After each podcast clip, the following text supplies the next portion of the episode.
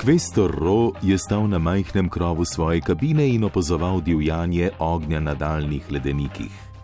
Bolela ga je čeljust, kjer ga je Taliban udaril, ampak zdaj ni bil čas maščevanja, zato bo čas pozneje. Zdaj je premišljal samo o šestih srebrnih piramidah, polnih dragocenih draguljev in zlatih palicah, ki so črpale njihovo moč. Ro je sam plačal za njih stale so ga skoraj polovico lastnega znatnega bogatstva.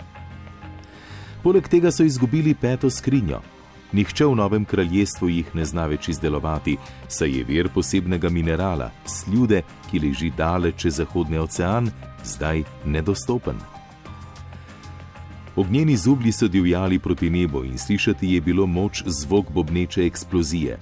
Ros se je omaknil v kabino in se sesedel v stol. Uspelo mu je veliko, več kot so pričakovali njegovi sovražniki, ampak počutil se je obupno. Kaj nam bodo skrinje, če jih nikoli več ne bo moč napolniti? Njihova moč bo samo podaljšala neizogibno propadanje. Podrgnil si je čeljust in si v čudovito kristalno čašo nalil pijačo. Buljil je vanjo. Kristal je bil čist in jasen, njegov obraz se je odseval v čaši. Odsotno si je pogladil modro obarvano razcepljeno brado, na to spil tekočino. Ro ni bil pivec in ognjena pijača ga je pogrela s surovo močjo.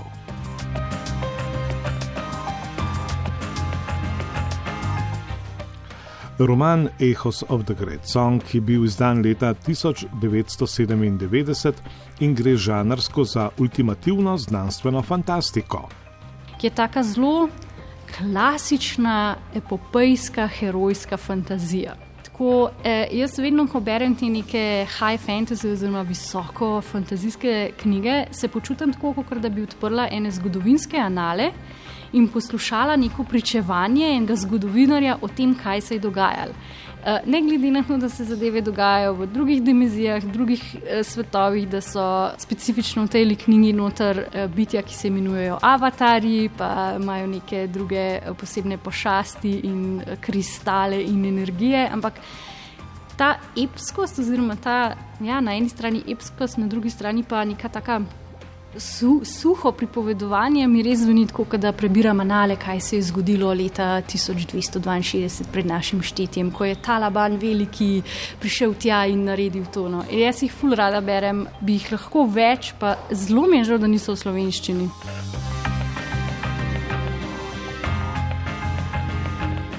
Zelo, zelo dolgo časa je ležala na moji nočni marci. Pa ta edicija, ki jo imam jaz, ima eno tako zelo kičasto naslovnico, na kateri tako en tak rahlo Arnold Schwarzenegger lik uh, vihti meč. In potem sem se utepala celo koronsko leto 2020, da bi jo prebrala in sem jo zdaj v bistvu šele za božič vzela v roke in jo tako posrkala v enem takem sunku, ker je zelo taka Vase, vase je ujeta in enostavna zgodba ene, enega planeta, ki ima te avatarje, ki so nekako neumrljivi, zato ker se vedno znova uživljajo in poživljajo iz kristalov, ki se črpajo iz sončne energije ampak nekako usiha ta neka energija in potem, seveda, tako kot velikrat sem ugotovila v Gemelovih knjigah, uh, iz neba pade drug svet, dobesedno, delček drugega mesta in še eni boljši avatari, eni boljši kvazi ljudje, ki imajo boljšo tehnologijo in v vsakem pogledu so absolutni zmagovalci, nekako potem poharajo vse te avatarje in druge ljudi, ki živijo na tem našem planetu in se nek tak epski boj. Uh, za popade. In je zelo tak um, slikovit svet in me je res posrkal notorno. Maja Peharc pravi, da gre za roman, ki spada med dela, ki se poigravajo, špekulirajo s alternativno zgodovino. Imamo točko preloma, ko je neko zgodovinsko dejstvo zamenjeno z drugim in potem teče tok zgodovine drugače. Ja, eh, zelo tako znano je vse skupaj, ko bereš. Se mi zdi, da če bi naša zgodovina um, stoletja nazaj šla levo na mesto desno, recimo, da bi se nekako nam to znalo zgoditi. Ker ti avatari so zelo tako Atlantici oziroma iz, iz Atlantide, nekako ta mit v ozadju se skozi nam dogaja. Ja, in si zelo tako uh, predstavljaš, da če bi mi rahlo drugače skrenili, bi se pa to nam zgodilo. In je že zaradi tega zelo zanimivo brati, ker imaš skozi nekako ta uh, isto podstat v, v odzadju, tako nekako veš, da smo nekako na istih zgodovinskih trhlih temeljih in, in te zelo hitro zapeljejo v tem, kaj bi bilo, če bi bilo. No. Kakšnemu bralcu bi priporočila knjigo? Več različnim bralcem bi jaz tole priporočila. In sicer bi mogoče priporočila unimenim mladim, nadebudnim, navdušencem nad uh, srednjim vekom, fantazijo, nasiljem in krvjo, ki sam radi prebirajo neke te epske dogodivščine.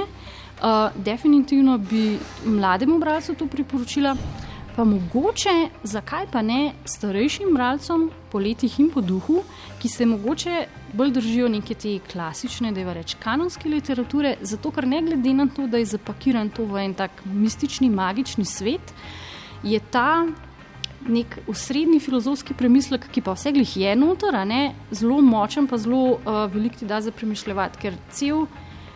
Knjiga se v bistvu cel čas ukvarja s tem nekim prepadom, propadom civilizacije, ki je na vrhuncu in je razvila vse, kar se razviti da, in so postali vase zagledani, ušabni, vse si lahko prvošijo, vse imajo in so nekako zavrli pri sebi ta nek razvoj, neko razsvetljenost in se sam zanašajo na to, da so in se v bistvu jim to, to zaradi česa so, je pa v končni fazi tudi njihov propad. No? In je tako zelo strašljivo aktualna tudi knjiga, tako da definitivno tisti, ki morda niste res. Um, Ljubitelji uh, sci-fi pa fantazije, dajte ji priložnost, ker je včasih strašljivo aktualna.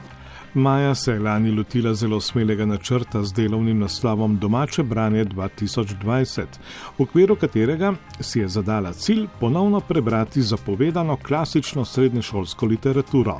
Zato preverjamo, zakaj je zastal projekt domačega branja. Obtičala sem pri tretji knjigi, ki so bile zgodbe svetega pisma, in imela sem cel načrt. Šla sem domov k staršem, da sem svojo birmansko Biblijo si prenesla, ker sem si rekla, bom izbrala izbrane zgodbe in sprot preverjala originalno pisanje. In potem sem to začela delati, in potem je prišla korona. In sem imela zelo, zelo, zelo težave ločiti literarno delo, ki je Biblija, od verskega dela, ki je Biblija. In mi je šlo samo to neko duhumorno in mal uh, licemersko pisanje v Bibliji na živce, in enostavno nisem mogla brati. In sem v bistvu nehala brati za veliko večino leta 2020. Tako da to, da sem se potem strateško za božič lotila nazaj brati, je bil nekak poskus uživanja mojega obupnega bralnega leta.